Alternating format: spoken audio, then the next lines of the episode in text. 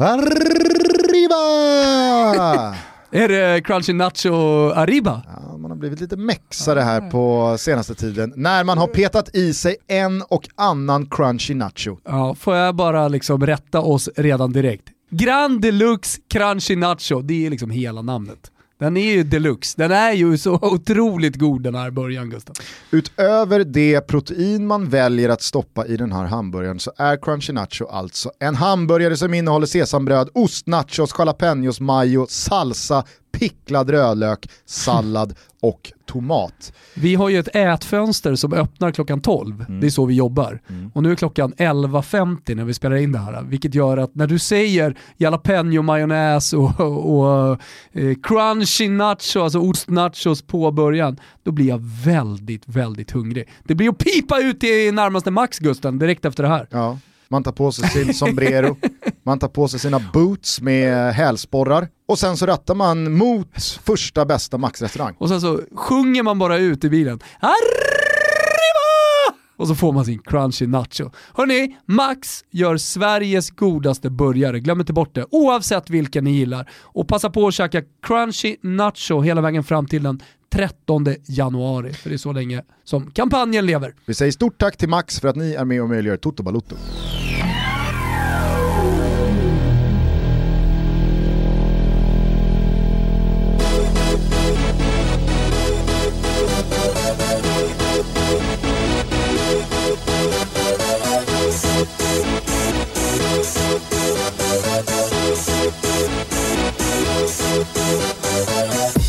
Balutto. Känner varmt välkomna till Toto Balotto. Det är fredag den 13 november 2020. Tror du på sånt där? Du brukar ju påminna om att man inte ska lägga nycklar på bordet. ja, exakt. Dravel. Jag har ju lärt mig väldigt mycket av Daniel Olenklint när vi, när vi var Alltså, la du nycklar på bordet, då var det en hurring i svar från Olenklint. väldigt noggrann med sånt. Men eh, jo, jag, jag går inte på avbrunnar. Fredag den 13 känns eh, dåligt. Du hoppar inte gärna på ett flygplan fredag den 13? skulle göra det. Ja. ja. Jag vet inte, jag, jag, känner att det där... Du känns cynisk där. Men man växer väl ifrån sånt där. Ja, det kanske man gör. Jag ja, dock är jag väldigt präglad av Sune Sommar fortfarande och Rudolfs tre spottlosker över vänster axel när han ser en svart katt. Det så för? Va, jo, förstår du. Om du ser en svart katt gå över vägen så betyder det otur. Men om man spottar tre gånger över vänster axel så händer ingenting. Det där är bara skrock. Ja, ja, ja, ja, ja. Men jag har faktiskt klarat mig ganska bra hittills. Kanske just för att jag är lite skrockfull. Åh oh, herregud! Det är sju års olycka! Ge mig saltet! Någon... Men fort, ge mig salt!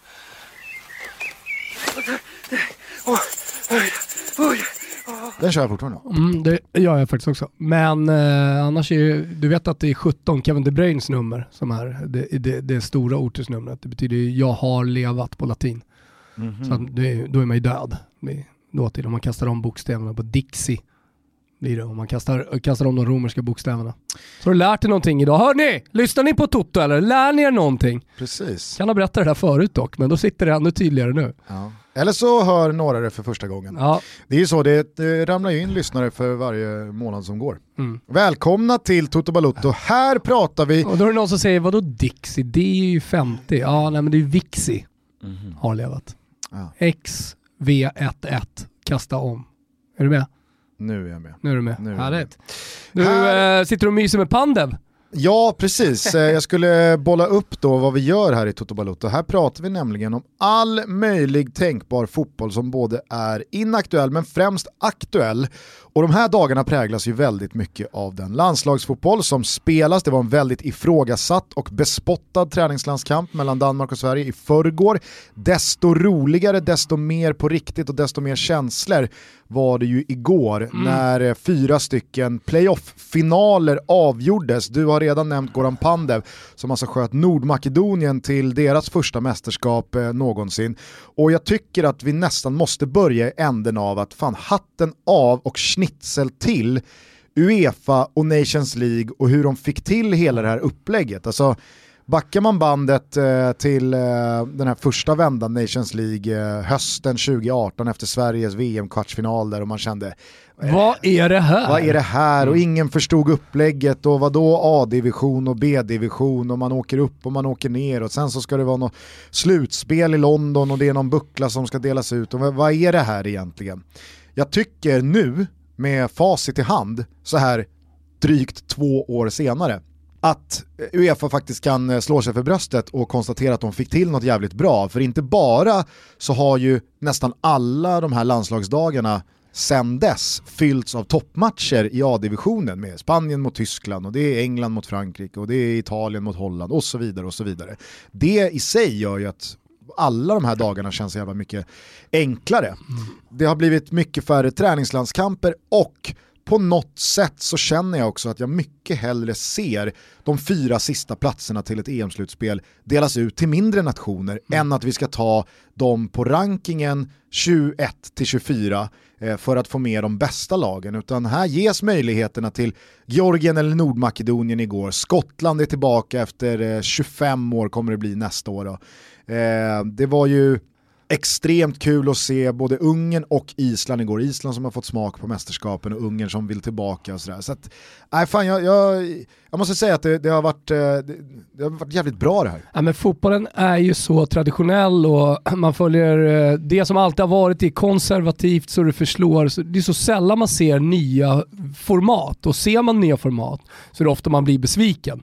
Och det är inte formaten som gör fotbollen och någonstans i grunden så kommer ju alltid en VM-titel väga tyngst och eh, en EM-titel därefter för oss då, eller en Copa America-titel för alla sydamerikaner. Så det är ju sällan man sitter och liksom hyllar ett format. Senast vi satt och hyllade ett format var ju när eh, Lennart Johansson tillsammans med sina kupparkitekter skapade Champions League. Och det blev bra, det satte sig. Eh, känslan med Uefa Nations League, ännu svårare för att det är landslag kan jag tycka sådär inledningsvis. Men eh, också eh, ännu mer traditionsbundet alltså med landslag. För du tänker så mycket liksom kvalet, sen ska du ut i, i, i VM, EM och spela, du ska ut i mästerskapet. Skulle I vilja bara flika in att det kanske mest hyllade formatet på senare år, alltså Champions League, det är ju länge sedan. Och med all rätt så har det hyllats. Men som vi har öst lovord, inte bara vi alltså, utan hela fotbollssverige, över det nya kuppformatet som inte är Cup, så nytt längre. Eh, med, med gruppspel, på vintern så att det händer någonting. Och det och är egentligen av samma anledning, ja, exakt, och det är egentligen av samma anledning att, match, att det inte blir en massa träningslandskamper, landskamper, träningsmatcher under en period där eh, spelarna och, och, lagen är i en försäsongsfas, eller har varit tidigare. Alltså vi har ju kunnat förlänga eh, säsongerna och vi har försökt. Royal League, RIP, verkligen. korstecken. Jo men och alla Svenska cupen-finaler på Råsunda i slutet av november. Ja, ja. Alltså jag har suttit och sett så många deppiga tillställningar där. Jag har suttit och fryst på Råsundas kalla plast. Nej men Elfsborg, Elfsborg mot äh, ÖIS inför 1900 personer. 18 november. Dock tycker jag att arrangörer ska ta sig i kragen och återinförskaffa den bästa kuppen av dem alla som fortfarande ligger i någon slags dvala. Cupvinnarcupen. Ja, men det, det, den hyllas ju av alla. Så jag tror att cupvinnarcupen i ja, men en nytappning kanske inte skulle slå. Alltså jag saknar cupvinnarcupen, den har ju någonting. Kolla här, här är de bästa kupplagen. Och vi pratar ju ofta i kontexten att eh, ett eller ett annat lag är ett kupplag och väldigt bra på just ja, när det kommer till FA-cup eller Svenska cup. Så, eh, så det, det, i grunden tycker jag det, men sen är jag rädd för att det inte skulle slå. jag men, tror fortfarande att cupvinnarcupen har en sån oerhört stark position just för att då blir det all in inhemskt mellan alla lag här eller i England eller i Frankrike eller Rädd för att det vara. som händer nu för tiden i de olika ligorna är ju att, eh, i alla fall de största ligorna är ju att det är de bästa lagen som också vinner kuppen. Och Malmö FF kan inte spela Fast är det det då? Ja men du kan väl bara backa bandet till förra året. Vilka vinner eh, kupperna i England? Säg att det är FA-cupen då. Jo, absolut. Och där har ju inte minst Manchester City skördat framgångar mot slutet. Men jag tycker, ser man till det engelska kuppspelet så Kollar du semifinallag mm. senaste fem åren så är det en jävla spridning där alltså. Mm. Och det tror jag hade flugit satan med cupvinnarcupen om de hade återinfört formatet av att det inte är gruppspel. Uefa-cupen avgjordes ju så en gång i tiden innan det blev Europa League. Att det var utslagsrunder hela tiden och det var ju Europacupens upplägg också innan det blev Champions League. Och det tror jag hade funkat satan med cupvinnarcupen. Alltså du kvalificerar dig för cupvinnarcupen genom att vinna din inhemska cup. Sen så är det, första omgången, då är det fri lottning. Då kan, låt säga att eh, ja, men Östersund eh, gick ju och vann kuppen här oväntat eh, för eh, tre fyra år sedan. Eh, eller eh, Norrköping eller vad det nu är. Ja, då finns det inga sidningsgrupper eller någonting utan då är det bara pang bom, där kom Napoli i första vändan. Och så är det hemma borta, åker ut så åker ut och då blev inte äventyret längre. Men går du vid, alltså, Precis, för det är ju kupp. Precis, men kupp nu för tiden är ju väldigt, i alla fall i min värld, har ju blivit efter så många år. Det är ju ett gruppspel, mm. så är det bara. Men cupvinnarcupen i den nya sexiga tappningen skulle alltså vara som den alltid har varit. Ja, hemma borta, hemma borta. hälften av lagen åker ur för varje omgång. Precis som upplägget är i vår liga på resultattipset. På Just det, knockout. Ja får man gå in, eh, resultattipset.se, jäkligt roligt. Gamla Excel-snurror som nu har blivit en hemsida och det är Betsson som, som, som har skapat den. Och Det det handlar om är såklart att då tippa alla matcher till exempel i en Premier League-omgång. Man kan eh, skapa egna grupper tillsammans med sina polare, köra bara Serie A eh, och så vidare. Jävligt roligt format. Eh, och Det finns en liga som heter Toto Balutto, där kan man vinna fina priser Gusten. Mm. Vi pratade om de här priserna med Limpo på Betsson igår. Mm. Ja men det kommer bli bra. Haka på där, vi drar igång nästa helg. Men eh, skit i det nu, tillbaka till eh, format här. Cupvinnarcupen i all ära, jag när fortfarande en dröm om att det kommer komma tillbaka efter att eh, Europa Conference League här bombar totalt kommande mm. åren. Det, det, det hoppas jag i alla fall. Men för att återgå då till eh, playoff-finalerna här till EM så måste Nej, jag också... vet du vad jag skulle säga?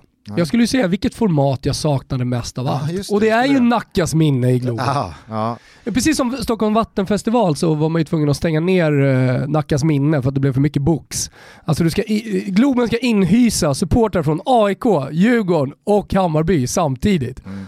Och eh, ja, det var ju... Så är det inte fel om eh, Wiseman sätter sig fyra, fem bussar och kuskar det gör inget liksom. De, de kanske råkar vara på plats. de kanske råkar vara där också. Vi inte missa Nej. Nackas minne. Herregud. Det är ju det är kanonfotboll. Ja, ja fan. Vad va härligt det ändå var, eller hur Gustav? Ja. ja, det var faktiskt otroligt. Och det är ju ett format som sannoliken också har hyllats unisont här. Ja. Så det är inte bara Champions League, men Nations League som mynnar ut i dessa playoff-finaler, först semifinaler. Äh, det blev jävligt bra och extra plus till att det var en match. Även fast då vissa lag fick hemmafördel, andra inte, så tycker jag ändå att det hade jävligt mycket att det inte var hemma borta just i de här eh, formerna. För det är så många matcher som avgörs i den första matchen och så blir den andra matchen bara att spela av eller det blir en matchbild där väldigt lite gynnar spänningen och dramatiken igår, det var ju helt sjukt. Alltså det börjar ju med Georgien Makedonien som jag ska väl och säga inte såg i dess helhet. Men när Pandev gör målet och känslorna är utanpå, förbundskaptenen gråter och ja men du vet, mm. det var ju så jävla mäktigt så det, och att det, det fanns är, inte. Och att det är just Goran Pandev som får göra målet. Ja. Vi ska då påminna alla som inte känner till det, man trodde att den långa framgångsrika eh, Pandev-karriären var över när han lämnade för Galatasaray och var ganska dålig i Galatasaray eh, 2014 då kändes det som att, ja ah, men okej, nu varvar den här gubben ner. Och då var han alltså 31? Då var han alltså 31, det kommer inte bli, det blir inget bra det här mer, utan eh, hans eh, storhetstid har varit. Och sen då, sen 2015 så har han spelat i Genoa, han har spelat 129 matcher, gjort 22 mål för Genoa. Och vi vet ju det, vi som följer och alla ni som lyssnar, den italienska fotbollen, att Pandev är en nyckelspelare fortfarande i eh, Genoa. Vi landar ofta i att hylla Zlatan Ibrahimovic som är äldre men fortfarande levererar på topp. Alltså Goran Pandev levererar precis som han gjorde en gång i tiden när han stod på, på sin topp. Det tycker jag verkligen. Mm. Eh, han började alltså, eh, köptes av Inter som en ung supertalang 2001 och sen så lite utlån som man gör i Italien, Spezia, Ancona, sen blev det Lazio och många älskar ju sin Pandev Lazio. Ja, det var ju ett, det Lazio Pandev. Det var ju ett helt hemskt Lazio de åren. Med Pandev och Rocchi och Ledesma. Jag älskar och, Lazio på den tiden. Det var ett vidrigt Lazio. Ja. Stefano Mauri. Mauri var där, ja. absolut. Usch, vilket Lazio jag, jag, jag älskar verkligen eh, det laget, även om jag åkte på en del torskar som Fiorentina-supporter mot just Lazio. Men sen blev det Napoli Eh, och det känner ju alla till. Eh, men i, i Genoa så har han fortsatt att göra mål och som han levererar. Att det är han igår som får göra det symboliska 1-0 målet för Nordmakedonien. Ja, men det, det är sådana här sagor som man bara älskar. Man tänker, när man ser det målet, fundera på det idag, sitter och pratar med dig om det. Tänker man, oh, men det var väl sista gången en sån där jävla grej händer. Mm. Askungens saga och allt vad det är. De, de dyker upp hela tiden i fotbollen. Ja, men det är ju det här jag återkommer till då. Uefa har ju verkligen lyckats kratta manegen för att de här spelarna som tillhör de här väldigt små fotbollsnationerna som aldrig har upplevt det här förut faktiskt ges en realistisk möjlighet att nå dit och uppfylla sina drömmar. Alltså det, det, det, är, ju, det är ju formatet att tacka att Goran Pandev faktiskt mm. kan skjuta Nordmakedonien till ett Europamästerskap. För utan det här upplägget så hade ju det såklart aldrig gått. Det är klart att Nordmakedonien Eh, en gång på hundra försök kan fälla en jätte i ett kval, men kvalet över 8, 10 eller 12 matcher kommer givetvis sluta med att de inte avancerar. Mm. Så att, äh, det var otroligt. Det enda smolket i bägen, och det är väl inte direkt en pigg spaning så här i mitten av november 2020, det är ju just att det här är ju ögonblick och matcher som förtjänar fullsatta läktare. Alltså jag ja, tänker på när Mohamed Salah sköt Egypten till VM 2018 och det blir liksom total eh, pitch-invasion eh, och eufori. Och jag älskar ju också när spelare hamnar på axlar Aha. på supportrar. Och bilderna som tas är liksom tusentals supportrar på gräsplanen, pyro, flaggor, halsdukar, rök, men två, tre, fyra, fem spelare som liksom höjs ovanför ytan för att de sitter på axlarna. Gärna då strippade på sina matchkläder och så vidare. Ner, ner till den lilla, lilla vita kalsongen, Y-fronten. Exakt, sloggy ja.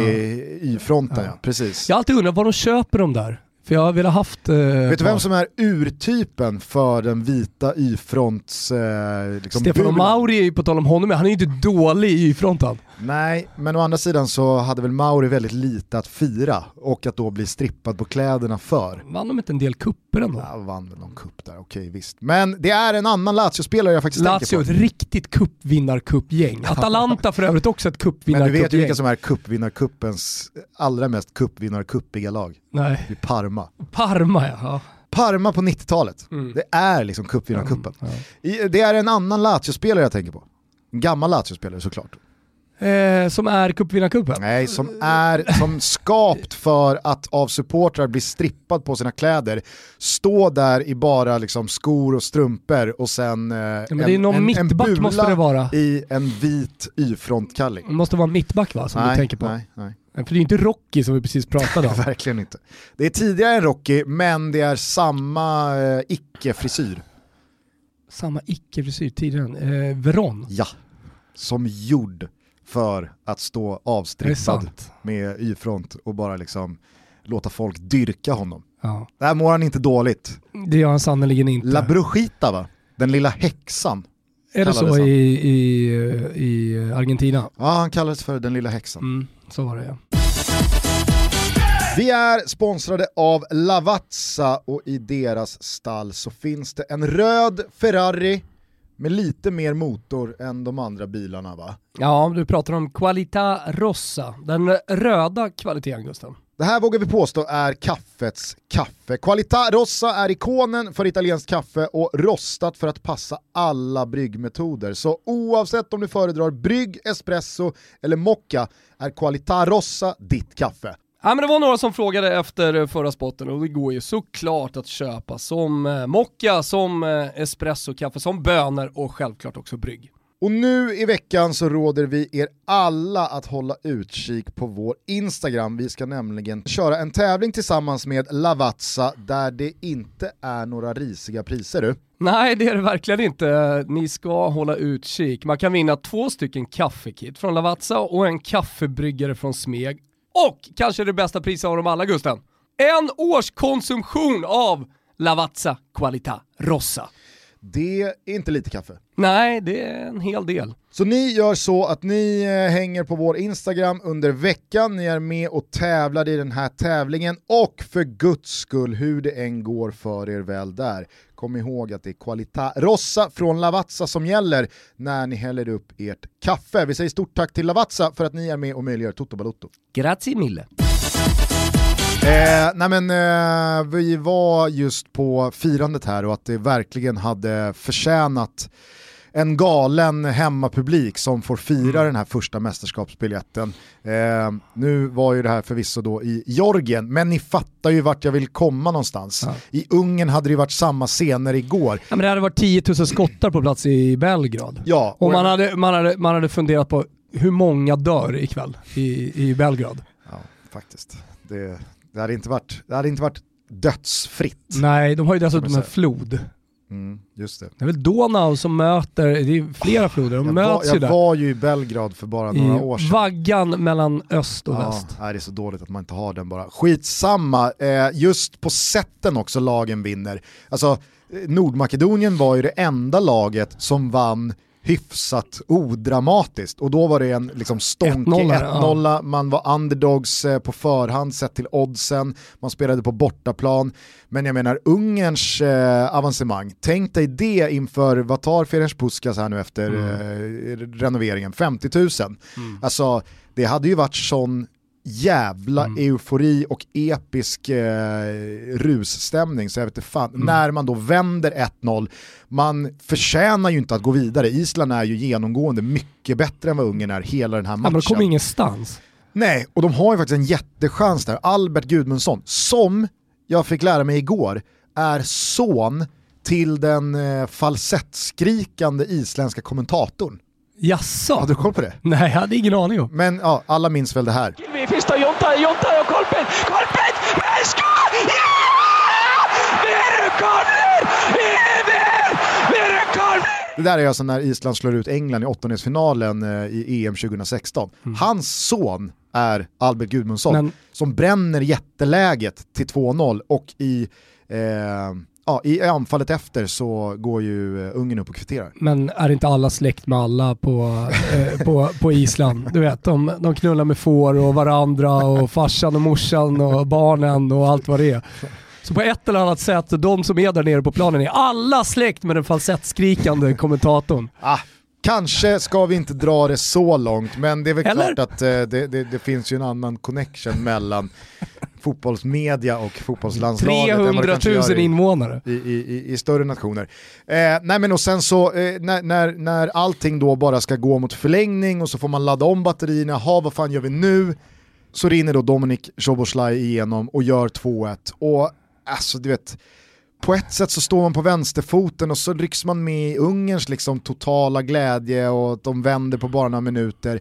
Å andra sidan så liksom, ja visst, jag har ganska så lätt för att känna den här generationen isländska spelare, för det är ju i princip samma spelare som gjorde det i eh, EM 2016 och VM 2018 som var på plan igår. Så man känner ju någonstans att säga, ja, fast ni har, ni har ju också fått ett EM och Sista ett VM. natten med gänget igår hade kunnat blivit eh, några nätter till. Absolut, men de hade åkt till EM nästa sommar, hade fått dyngtorsk i dödens grupp där mot Portugal, Frankrike och Tyskland.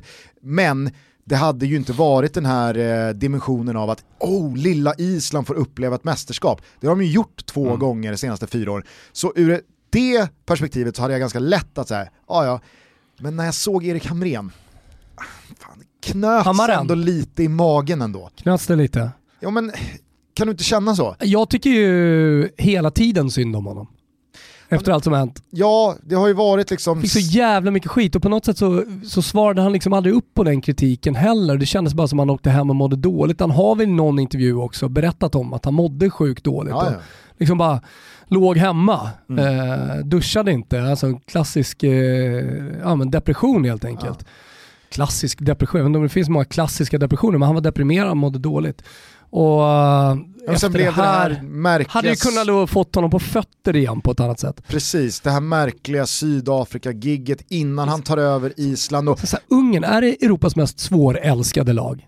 Du skulle ju känt mer för Georgien om de hade gått vidare. ja, kanske. Ja, men så här, Ungern är ju ingen... Oh, Ungern, åh gud vad härlig. Alltså, tänker bara på Ferenc, vadå, Ferencvaros och Puskas och sådär man tänker också på Viktor Orban då, premiärministern som har använt fotbollen väldigt mycket som megafon för att liksom... Alltså han har gjort en Berlusconi. Ja men han har väl kört lite såhär make Hungary Ungern." great again. Eh, med väldigt eh, mycket högervridna eh, tankar om hur eh, det ungerska samhället ska återuppbyggas. Så det har ju varit väldigt mycket extremhöger och det är väl eh, homofobi och rasism så det bara sjunger om det i Ungern och en del andra länder. Men Ungern kanske framför allt. Mm. Eh, mycket där under flyktingvågen 2015 så var väl de liksom de som Ja, men de skulle stänga och taggtråd Här kommer och... inte Nej, en precis, enda Här passerar. in. Här Eh, kommer ingen förbi, kommer aldrig över Dimauer. mera. Exakt. Kan vi avsluta dagens avsnitt Gick man genom Salem centrum när man var 14 år och sjöng. Ja, jävla Eller, kanske inte jag, dunderlåt. Folk. Eh, nej men visst, eh, Ungern svårälskade, Viktor Orban ännu mer svårälskad. Eh, men jag har inte så svårt att ändå känna empati Visst för annat budskap ska jag säga i den låten jämfört med Viktor Orbans budskap. Ja det får man säga. Ja. Men eh, just det där eh, halvsvajiga, märkliga gigget i Sydafrika innan Hamrén då tar över Island, som i det här landet är fortfarande väldigt mycket Lasse Lagerbäcks Island. Alltså Ja. det är ju hans gäng som fortfarande springer där ute på planen.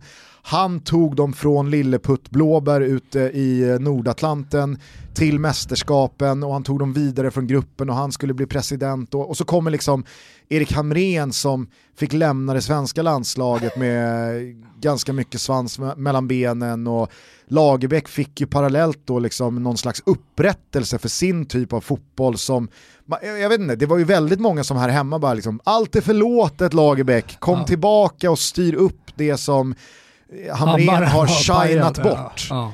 Eh, och sen så har han ju då superförutsättningar för att ta dem till detta EM med då eh, ja, men Nations League i A-divisionen, den köksvägen, så, alltså det, det ska man komma ihåg. Island förlorar sig alltså genom hela Nations League till den här playoff-semifinalen Exakt. mot Rumänien hemma. Sen så har de då en match kvar mot Ungern eller Bulgarien för att nå EM, alldeles oavsett hur det går i EM-kvalet. Så att det är ju så här, jätteläge för Hamrén att lyckas och hade han lyckats igår, ja men dels hade han ju fått ta Island Då hade till... ingen tagit, tagit eh, precis som VM 94, där man kan prata om att Sverige hade en hyfsad väg ändå till semifinalen mot Brasilien och sen fick Bulgarien som inte brydde sig i match om tredje pris.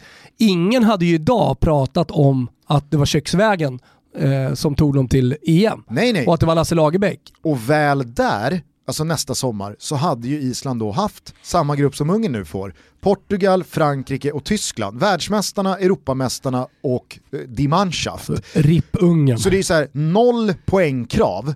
Det är ingen som kommer liksom tycka att herregud, Hamrén bombade och misslyckades med det Lagerbäck eh, lyckades med. Men att han hade tagit dem till Island hade förmodligen... Något av de där lagen hade ju säkert eh, Island, kanske inte rubbat, men i alla fall eh, gett en match. Men hade de lämnat på noll poäng så hade ingen Ingen hade lagt sagt någon något, men de hade förmodligen fått en eller två poäng. Två är, Två är mycket. Två är en för mycket. Två är, Två är säga en för mycket. jävligt mycket. Ja. Men hade Hamrén tagit dem dit så hade han dels fått fortsatt förtroende ett kval till mot eh, VM 22 med Island, är helt övertygad om. Hade han misslyckats där, då hade han fortfarande kunnat peka på EM-avancemanget med Island som förbundskapten där för att lösa ett till gig. Säg att det är minst 18 månader, då är det så pass färskt om man hade fått sparken från det giget det. att han fortfarande kan använda EM-avancemanget med Island för ett jobb till. Alltså vi pratar sex år Ja. säkrat arbete och inkomst för Hamrén som gled honom ur händerna på fyra minuter igår kväll och det är så jävla grymt det där fotbollsödet för vissa. För vissa så är de där minuterna liksom, ja men kolla, kolla Peter Gulaschi, Ja. den ungerska målvakten. Som två- Schnitzel, varför ska han få schnitzel? för att han heter Gulaschi, så han möjligheter, lite som när Axel Pileby efter fem äntligen i Sverige-svepet fick åka till Dalby och prata om hans eh, eh, vad, vad blir barndomshem. Ja. Och då gick han igång rejält och pratade om stenkyrkor och fan hans moster, han ville berätta allting om Dalby. Jaha. Så hade vi då möjligheten att ge en schnitzel till Gulaschi här nu. Om Aha. jag hade tyckt att det var lite trevligt. Ah, okej. Ja, Ja. Jag trodde det skulle En komma någon- ungersk målvakt som heter Gulasch. Jag trodde det skulle komma någon slags ordvits från Pileby då när han var hemma på mammas Det kom gata säkert också. Det kom säkert också. Jag såg det bara på Instagram. Ja, Peter Gulaschi, han tvålar ju in Gylfi Sigurdssons frispark efter 10-11 minuter på ett sätt som är uppseendeväckande uselt. Alltså, han är ju usel. han är ju i alla fall en länk som jag alltid har tänkt så här. Inför den här säsongen så byter väl Leipzig ut Gulaschi. För att de kommer inte kunna ta den där Mm. Bundesliga-titeln. De kommer inte kunna gå så långt de vill i Champions League med en så pass svag målvakt. Han kommer, är man generös mot honom i en ligaguide så får han fyra getingar. Men han ska ju ha tre. Ja. Alltså det är en tregetingsmålvakt, Mm. så är det bara. Eh, men han har pumpat på där i Leipzig, tog ju steget från Salzburg. Han stod väl i eh, matcherna mot Malmö va? när de eh, Mm. Champions League-kvalade bort. Salzburg. Tvålar in den här eh, eh, frisparken och han gör det på ett sätt som är liksom att hoppa upp sådär efter 10 minuter i landets i särklass viktigaste landskamp på fyra år, alltså sen sist Ungern var i EM, och förmodligen den viktigaste landskampen på flera, flera år Det enda de framöver. inte ska göra det är att släppa in mål, för man vet att Island är stabila bakåt, de kommer vinna den fysiska matchen. Ja. Och då tvålar man in dem. Ja, men det regnar, bollen är blöt och Gylfi Sigurdsson skickar på den med ganska hög fart i liksom rib- man, alltså, Han får ju lyfta lite från marken, den är någonstans i ribban. Tippa den bara till hörna. Ja. Det går inte det att misslyckas med att tippa den till hörna. Men han går upp och ska limma den över sitt eget huvud med regnvåta handskar i bra fart. Alltså, jag menar, vad heter, vad heter, vad heter är, det, är, det liksom, är det moraliskt och etiskt fel att outa vad, vad din 11-åriga målvakt heter? Filippa. Filippa. Ja, Alltså Filippa vet det. ja. ja. Filippa vet att sådär gör du inte. tippar. Du kan inte hoppa 100%. upp och försöka nypa den Det här. är inget moraliskt fel alls. Alltså, nu när du nämner Filippa, jag skulle kunna prata om henne i tio minuter. Men det är, någonting med, det är någonting med barn och namn och man ska inte det är visa det är ansikten och så vidare. Nej men alla målvakter vet väl från typ sju års ålder att har du tänkt att hålla bollen, då ska du ha någon kroppsdel bakom labbarna. Ja. Gulaschi får någon kortslutning, hoppar upp och tvålar in den. Och sen så är det ju en match där ja, men Ungern är inte så jävla nära, Island kan stänga matchen. Men det som jag säger, alltså, men de fick gör ju inga räddningar för att på något sätt revanschera sig. Han tar det han ska ta, men det är inga liksom... Ja, men nu Han är tre plus sen nu, resten nu, av Nu har matchen. inte Gulaschi spelat 1-1 med sig själv. Han är ju på väg att bli Tommy Salo. Och då pratar vi Tommy Salo förmodligen så här 2.0, upphöjd till 3. För att det är Ungern och det är liksom... Sverige-Vitryssland, Hockeytoto nu. Exakt. Eh, Tommy Salo, det är också, han hoppar upp och ska plocka den i huvudhöjd. Ja, det, är det, och, kanske historiens mest märkliga målvaktsaktion inom, inom hockeyn. ja, och, det är så och, märkligt beslut. och jag tycker Men faktiskt han att, i sitt beslutsfattande har ju heller inte varit supervass, Nej, Salo. Och jag tror, helt ärligt, det är säkert många som har hängt med mot slutet, att Tommy Salo har haft det jävligt jobbigt eh, och, och nyligen eh, åkte för Selling a little or a lot?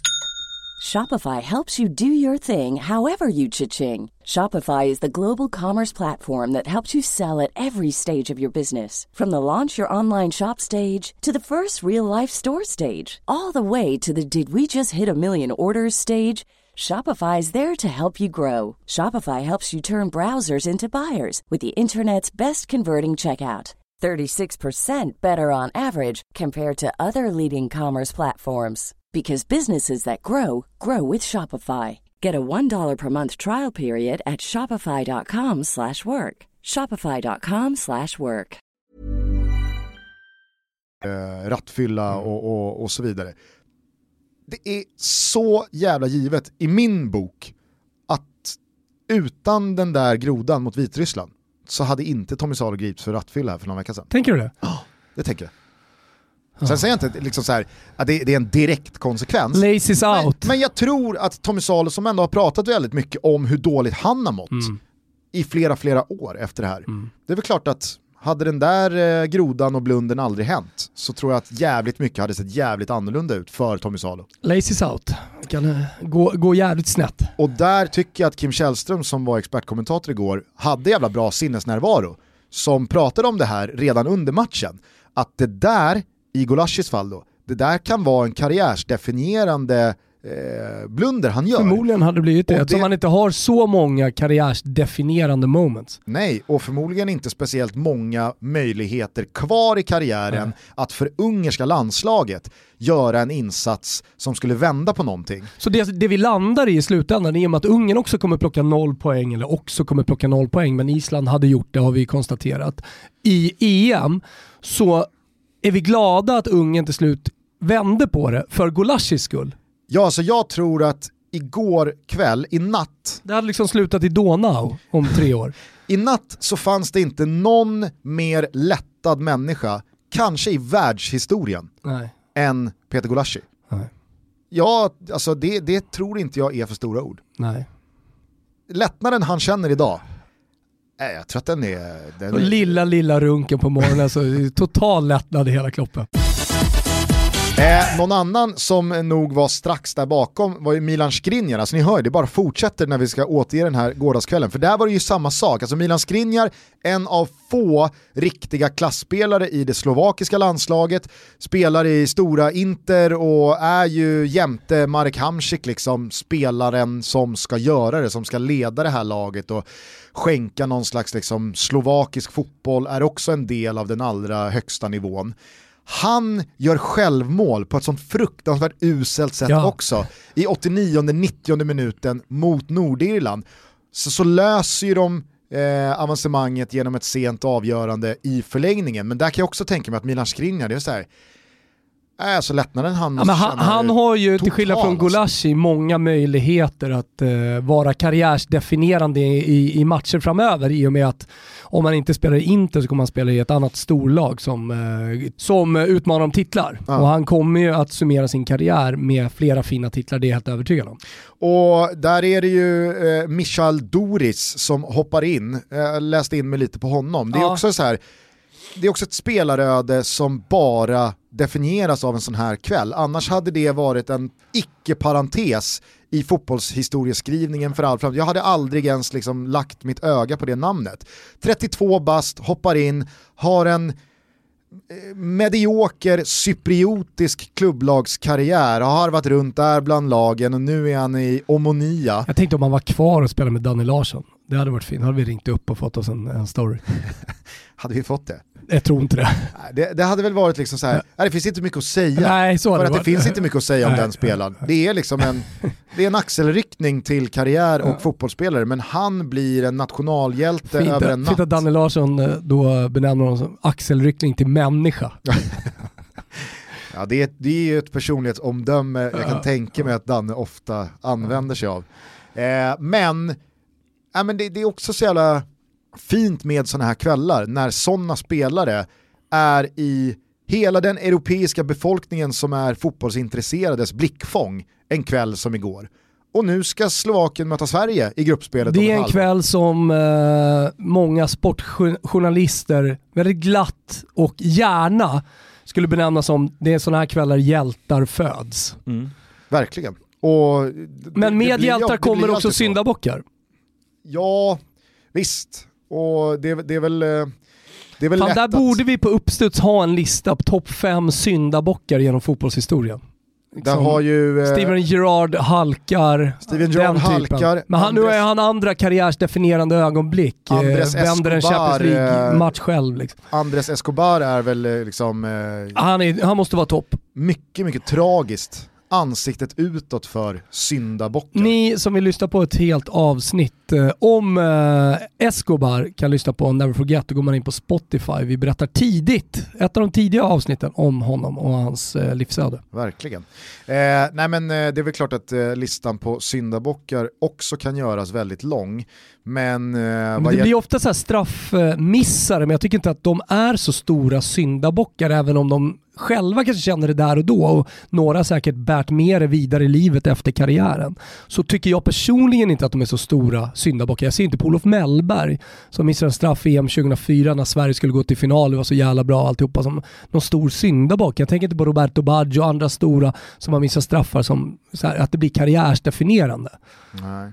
Nej, För det är precis. för slumpartat att slå straffar så att säga. Det, Det, det- det, är mer såhär, så- Gulashi, det, det, han är ju syndabock. Det enda man vet med en straffsparksläggning är att någon till slut ska missa. Exakt. Det, det, det, det är det enda som kommer hända. Mm. Eh, men eh, du kan ju nämna John Terry där också som, Ja, halka på Mr. Chelsea. Men, men det där räddades ju också upp av att Chelsea sen gick och vann Champions League fyra år senare Exakt. och Terry fick vara med. Och, Exakt. Det är mycket mer karriärsdefinierande. jag känner också på samma sätt eh, som kring Island där att när man såg de nordirländska spelarna deppa så hade ändå jag ganska lätt för att säga, ja, fast ni, ni var ju med sist. Det har inte hänt så mycket med någon ny, ung, spännande generation. Det var inte någon spelare man kände att nej, det blev inget stort mästerskap för den här spelaren. Nu är det hans tårar som visar det, att det, det, det blev ingen fest. Alltså det, finns var- ju, det finns ju kille i Bologna liksom. och sen så har du han i IFK Norrköping. Alltså det är klart att så här, visst det kommer komma isländska spelare vad det lider också. Ja men nu pratade jag om Nordirland Ja. eh, och att de också fick vara med sist det begav sig så att när de deppade igår så kände man äh, jag var mest ledsen ur svensk perspektiv och alla de supportrar som förhoppningsvis hade varit på plats nästa år då och sett Sverige-Nordirland och fått liksom matchuppladda med de nordirländska fansen eh, och, sjunga, och sjunga Will Griggs on fire och alltså den biten. Det är ju ett dropp ner till Slovakien. Alla slovaker får ursäkta, men jag, jag, jag tar nog gift på att eh, liksom, eh, prepartitan med nordirländarna på brittisk mark är ju strået roligare Ja, än vad den är tillsammans med slovakerna. definitivt. Så att, Jag hoppas du har fel egentligen, vi får väl se. Det kanske är det så att, om det nu tillåts någon publik, om vi nu ens kommer spela EM på olika platser runt om i Europa, för det pratas väl ganska mycket nu om att eh, mästerskapet ska läggas i Ryssland. ryssen är redo. Jo men de är ju också redo, Ja, ja. så det är egentligen inget konstigt. De hade VM nyss, de löste det på ett exceptionellt bra sätt, det var organisa- organisatoriskt perfekt, eh, alla var nöjda och glada. Big Daddy Vlad, han Ja. eh, nickar ju bara när han får frågan från Seferin. Are you ready Vladimir? Yes. well of course. Ja. Jag tror inte han ens kommer upp till Putin.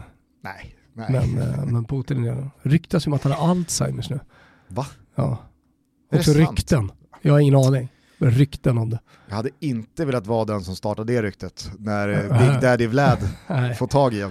verkligen inte. Men eh, oavsett var eh, och hur EM avgörs så kommer ju då Slovakien ingå i Sveriges grupp tillsammans med Irland och Spanien.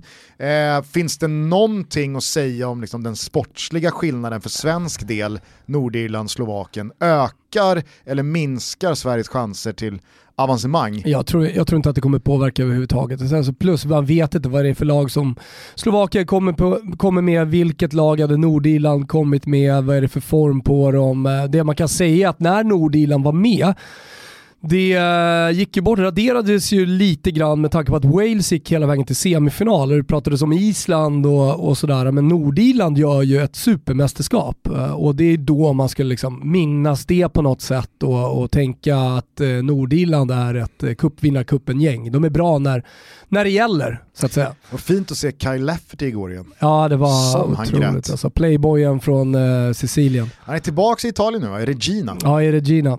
Där, Jävla karriär. Han hatar ju inte Syditalien, Kyle Lafferty. Nej, Satan vad han knullar där nere. Och jag tror inte Syditalien hatar Kyle Lafferty. De har omfamnat honom, men det, det man gillar med Kyle Lafferty det, det är att han, han har ju verkligen tagit livet i Syditalien till sig. Han är ju ett ansikte utåt i, eh, på Nordirland säger man va. För eh, det italienska. Det kommer ju komma Lafferty-pasta eh, om några år. Det är jag säker på. Det låter inte... Det låter inget bra, men han är Chicho, det är liksom eh, hans, hans smeknamn. Ja. ja, vi får se vart eh, Kyle Laffertys karriär tar vägen här nu. Det blir i alla fall inget ytterligare Europamästerskap för honom och Nordirland. Sista nationen som löste en plats igår, det var ju Skottland. Man gjorde det som eh, ruskig underdog borta mot Serbien. Det är Serbien som imponerade så oerhört och var så jäkla bra mot Norge i semifinalen. Sergej Milinkovic-Savic hoppade in, gjorde båda målen och jag menar med spelare som eh, Mitrovic, med Dusan Tadic, med Djuricic, eh, alltså, äh, det, det var ju eh, klasskillnad på pappret. Jag tycker dessutom hemmaplansfördelen, även fast det är inför tomma läktare, ska ju också räknas in här, i synnerhet när man ser till skotsk fotboll, både landslag och klubblagsfotboll. Där är det ju, det är som natt och dag när man kollar på resultatraden, hemma kontra borta. Det var väl liksom mer regel än undantag när Celtic prenumererade på Champions League-platser. Hemma på Celtic Park, ja, då kan de slå Milan och de kan slå Barca och de kan slå Real Madrid. Och det, det, det var liksom så här, inget snack. Bortaplan, hur många mål kommer de torska med? För de har ingenting på bortaplan att göra. Vet inte fan varför det är så, mer känns det i alla fall som, mm. för vissa lag än andra. Men detsamma har ju gällt Skottland. Eh, men eh, vilken insats de gör. Jag tycker att vi börjar det skotska snacket med att bara lyssna på hur eh, Ryan Christie lät efter matchen som eh, alltså gjorde 1-0 målet som sen då blev kvitterat av Luka Jovic innan då Day Marshall räddar Mitrovic femte och sista straff och skickar Skottland till EM. Uh, uh, I don't know. It's just an amazing night. I think from the start we kind of believed. Obviously, the last kind of couple of camps we've picked up so much belief in each other. The gaff mentioned it before the game. That kind of Czech Republic came away in the last kind of ten minutes, and even the game, even the way the game went tonight. Uh, you know, kind of conceding that league late equaliser and still digging in, and then penalties, you know, away from home, and Big Marsh again comes up. Uh, amazing, unbelievable.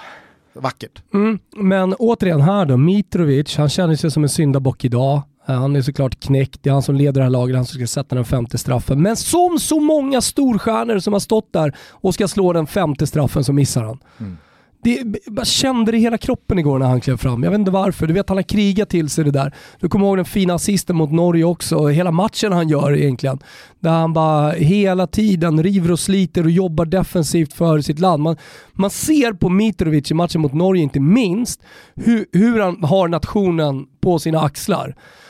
Och det blir ju problemet när han kliver fram inför den sista straffen. Han har ju nationen på sina axlar och ska slå in den där bollen. Vi pratade ju lite straffsparksläggning här i senaste avsnittet. det är så monumentalt. Eh, aktualiserat tungt. då av Luckmans Panenka-miss i Fulham här i helgen. Men om vi ska fortsätta bara snacka lite straffar. Eh, jag reagerade på, och det här är ju liksom Mitrovic långt ifrån eh, tidig att göra, men då som du nämner, stora stjärnan eller i alla fall eh, en av de stora stjärnorna, eh, spelaren som har gått ut och verkligen liksom tagit ansvar och visat ansvar och velat ha ansvar jag fattar inte varför de spelarna ofta tenderar att vilja slå den femte straffen. Är de så kåta på att få bli hjälte och sätta den avgörande Men Jag tror sparken? att det handlar om, du är inne på det, du säger det, jag säger det också, det är liksom nationen på sina axlar. Du vet ju hur det var när Olof Mellberg klev fram. Jag vet. Det var ingen jag... som ville slå den straffen. Nej, alltså, det, det var väl ändå sjätte tungt. eller sjunde straffen. Jo, men det, var, alltså, det jag menar i alla fall, att jag, vi såg ju Ronaldo, det var ju det som var så Poängen konstigt. är att ingen vill slå straffarna. Nej, Ja, du menar och då ska ju lagkaptenen... Exakt, men varför slår de inte den första straffen? Det var ju det här vi pratade om i somras när Napoli slog Juventus i Coppa Men ingen vill ju stå där och vara syndabocken. Nej, men det jo, för det blir mycket tyngre Fast... när du slår den femte straffen alla har satt och det är du som missar. Absolut, men många av de största spelarna också de ställer ju upp sig själva som femte straffläggare och så hinner inte straffsparksläggningen dit, för då är den redan avgjord. Det kan ju köpa som argument. Det var ju det Absolut. som hände då Juventus, att så här, Sarri skickar fram... Fast nästan två... alla straffsparksläggningar går ju till den femte straffen. Fråga Fantomen. Nej, inte alla. Äh, vet du vad Fantomen gör? Han säger okej okay då, jag ser om alla matcher från 1980 och framåt. ja.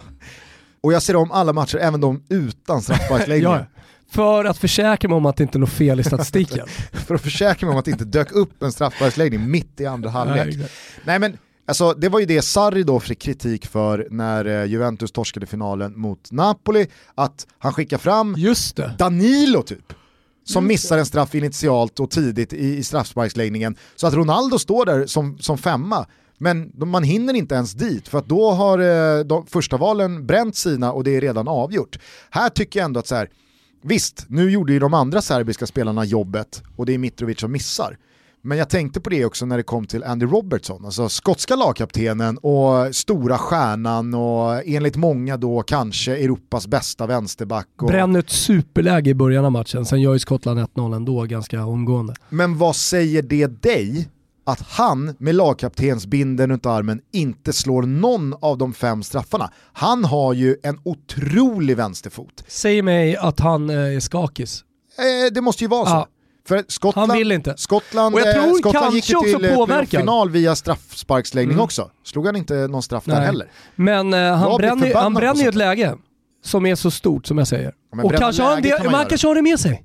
Är du med? Det kanske finns en anledning att han bränner just det läget också. Ja, men jag, det jag skulle vilja landa Det i är precis på samma sätt som vi kunde landa i att ska du slå en Panenka då kan du inte reagera som Luckman gjorde efter. Ska du slå en Panenka då, då, då, får du liksom, då får du vara ett jävla as efteråt om du missar. Ska du ha lagkaptensbindeln då får du fan ta en straff också. Ja, exakt. Helst den Det det- femte. Det, det jag men- ah, eller första. Ge mig bollen så visar jag bara. Ja, liksom, vägen. Jag, jag leder trupperna här. Ge mig bollen så ska jag skicka in den i nät så visar jag gubbar, det är inget att vara rädd för. Gå fram och gör samma sak ni.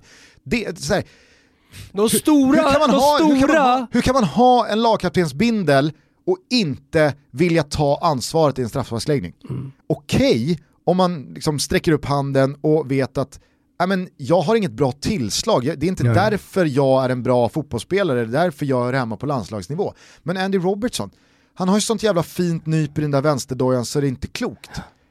Nej, jag, Gulasch Ja, ja, ja, till Robertson. Du förtjänar inte EM nästa säsong. Nej, exakt. Det är eh, Ollie McBurney däremot som Ja, ja. hoppar in med nerhasade strumpor Ja, ja. som bara liksom... Vilken hjälte. Han var ju liksom, får inte jag lägga första? Ja. Va? Tredje? Vad fan Tredje, vad är det Ja, ja. vaniljstraff att ta?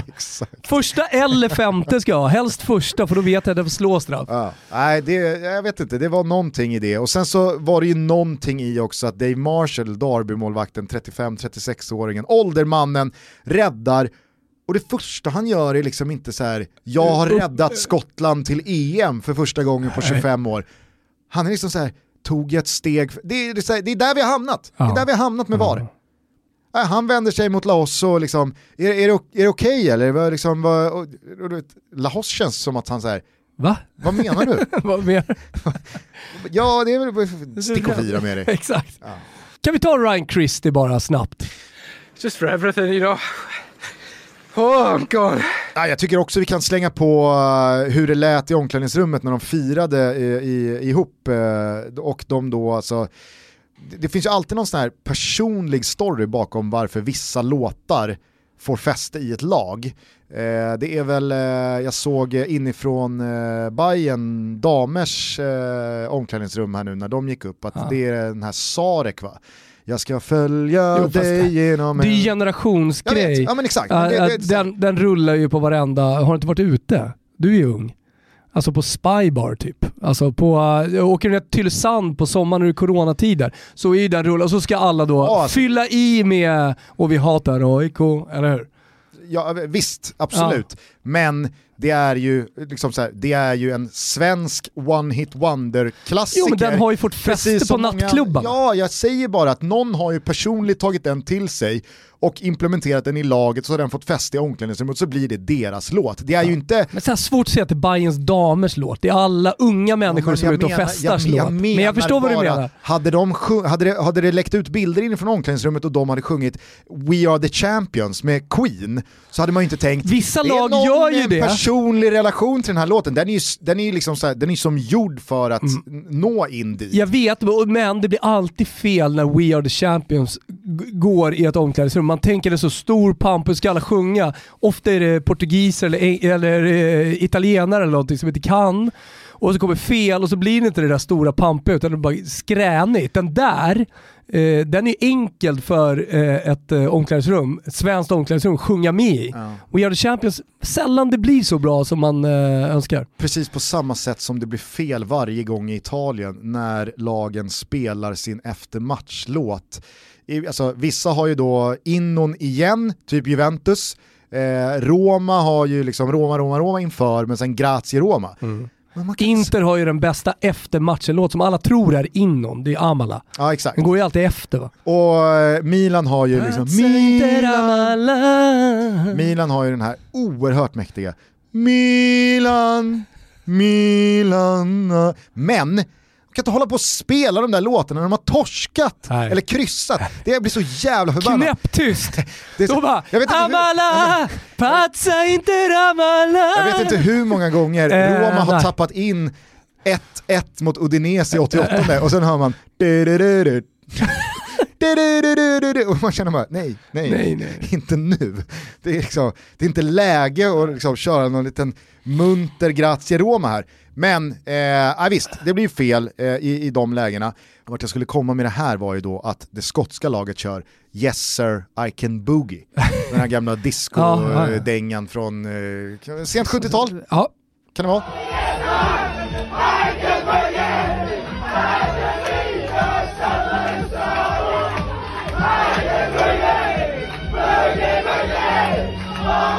Eh, eh, gör ändå någonting. ja. Eh, så att, nej fan, eh, jag, jag, jag, jag, bl- jag blev lycklig igår när jag eh, Mm. såg just skottarna, för det är någonting, precis på samma sätt, jag är väl, liksom många i det här landet, lite svag för brittisk fotboll och man är liksom uppvuxen i den här kulturen.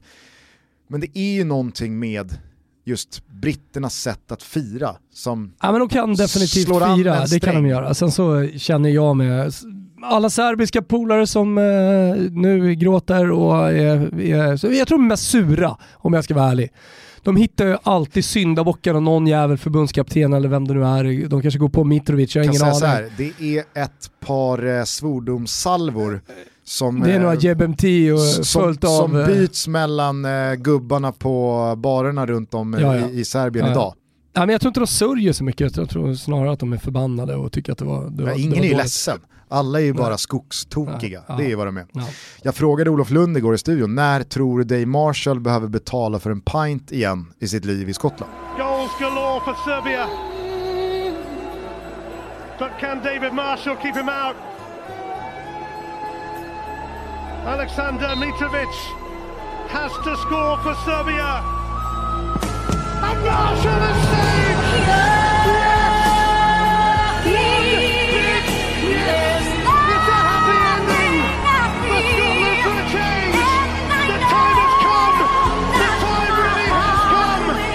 Och, och eh, även fast det var lite så här skojigt och liksom, det är med lite glimten i ögat, så kändes det ändå som att när Olof sa, äh, nej aldrig, att det stämmer. Ja, ja. Han behöver ju inte betala för Vad du sa, igen. 25 år sedan kommer det vara nästa Ja, de var sommar. i EM 96 och sen så I- spelade de VM 98. Så Just att det. nästa år är det 23 år sedan de Ja. spelade mästerskap. Det är 25 ingen, år sedan det är EM. ingen prenumeration på mästerskap för Skottland. Nej, men, jag kan Men, tänka mig att eh, Dave Marshall, han har nog betalat för sin sista bärs. Ja. Grattis! Känns så, så fruktansvärt likeable också, Dave Marshall. Ja det gör Men där, alltså, så här, han, han har ju sådana mustasch i skägget Just det. förutsättningar så Just det, det. det liknar ingenting. Alltså.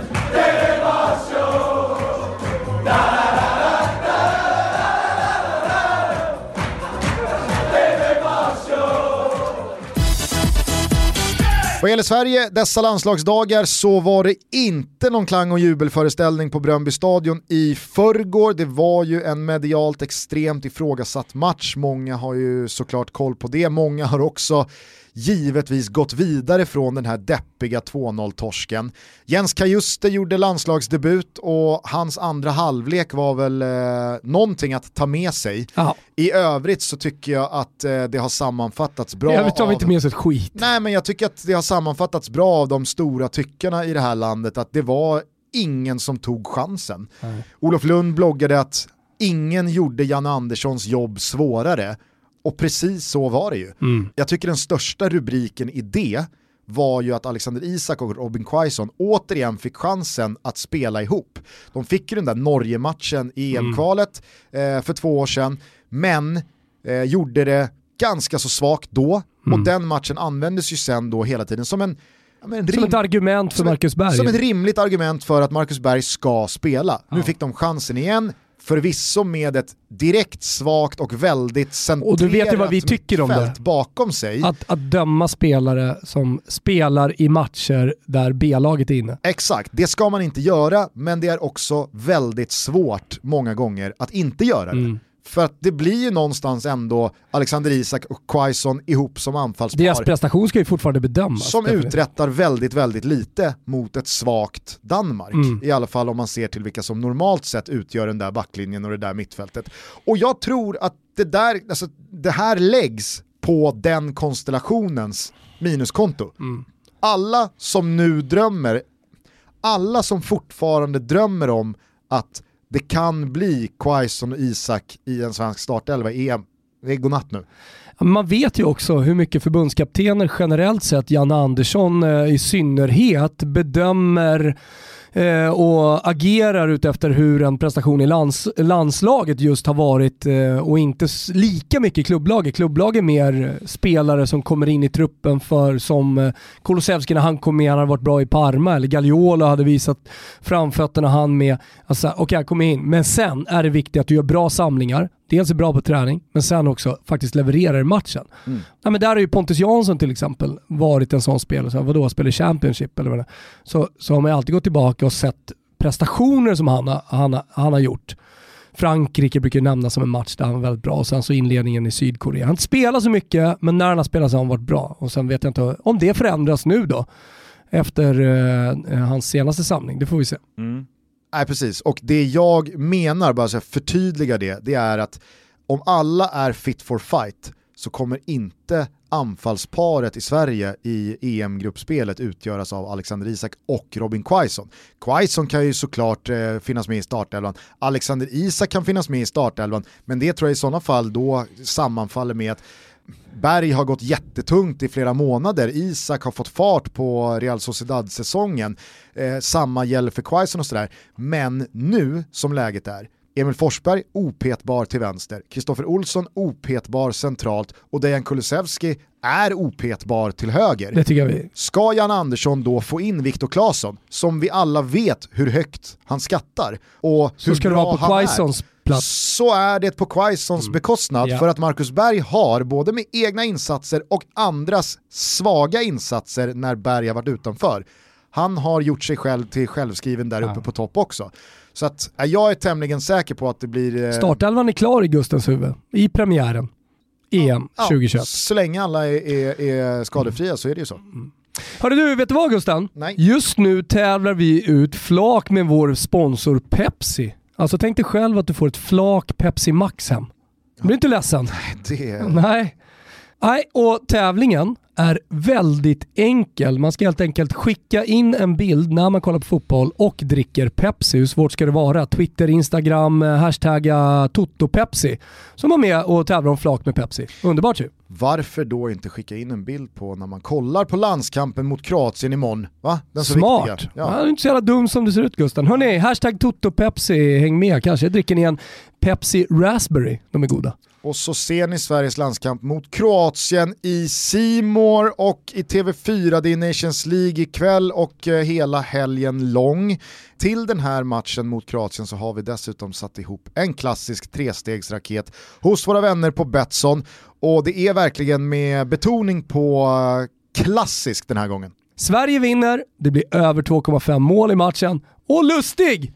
En jäveln tar ett kort. Vilken stämning det var på Hotell Kung Karl när Lustig i Herregud. slutet av. Mexiko-matchen eh, tar det där gula och Sverige leder med 3-0. Segern är klar, övern är klar, nu saknar vi bara Jobbar vi bara kortet. Plus att det är euforisk stämning bara av, ja dels alkoholen sådär såklart, men det- fan det är mästerskap, det är VM och det är Sverige.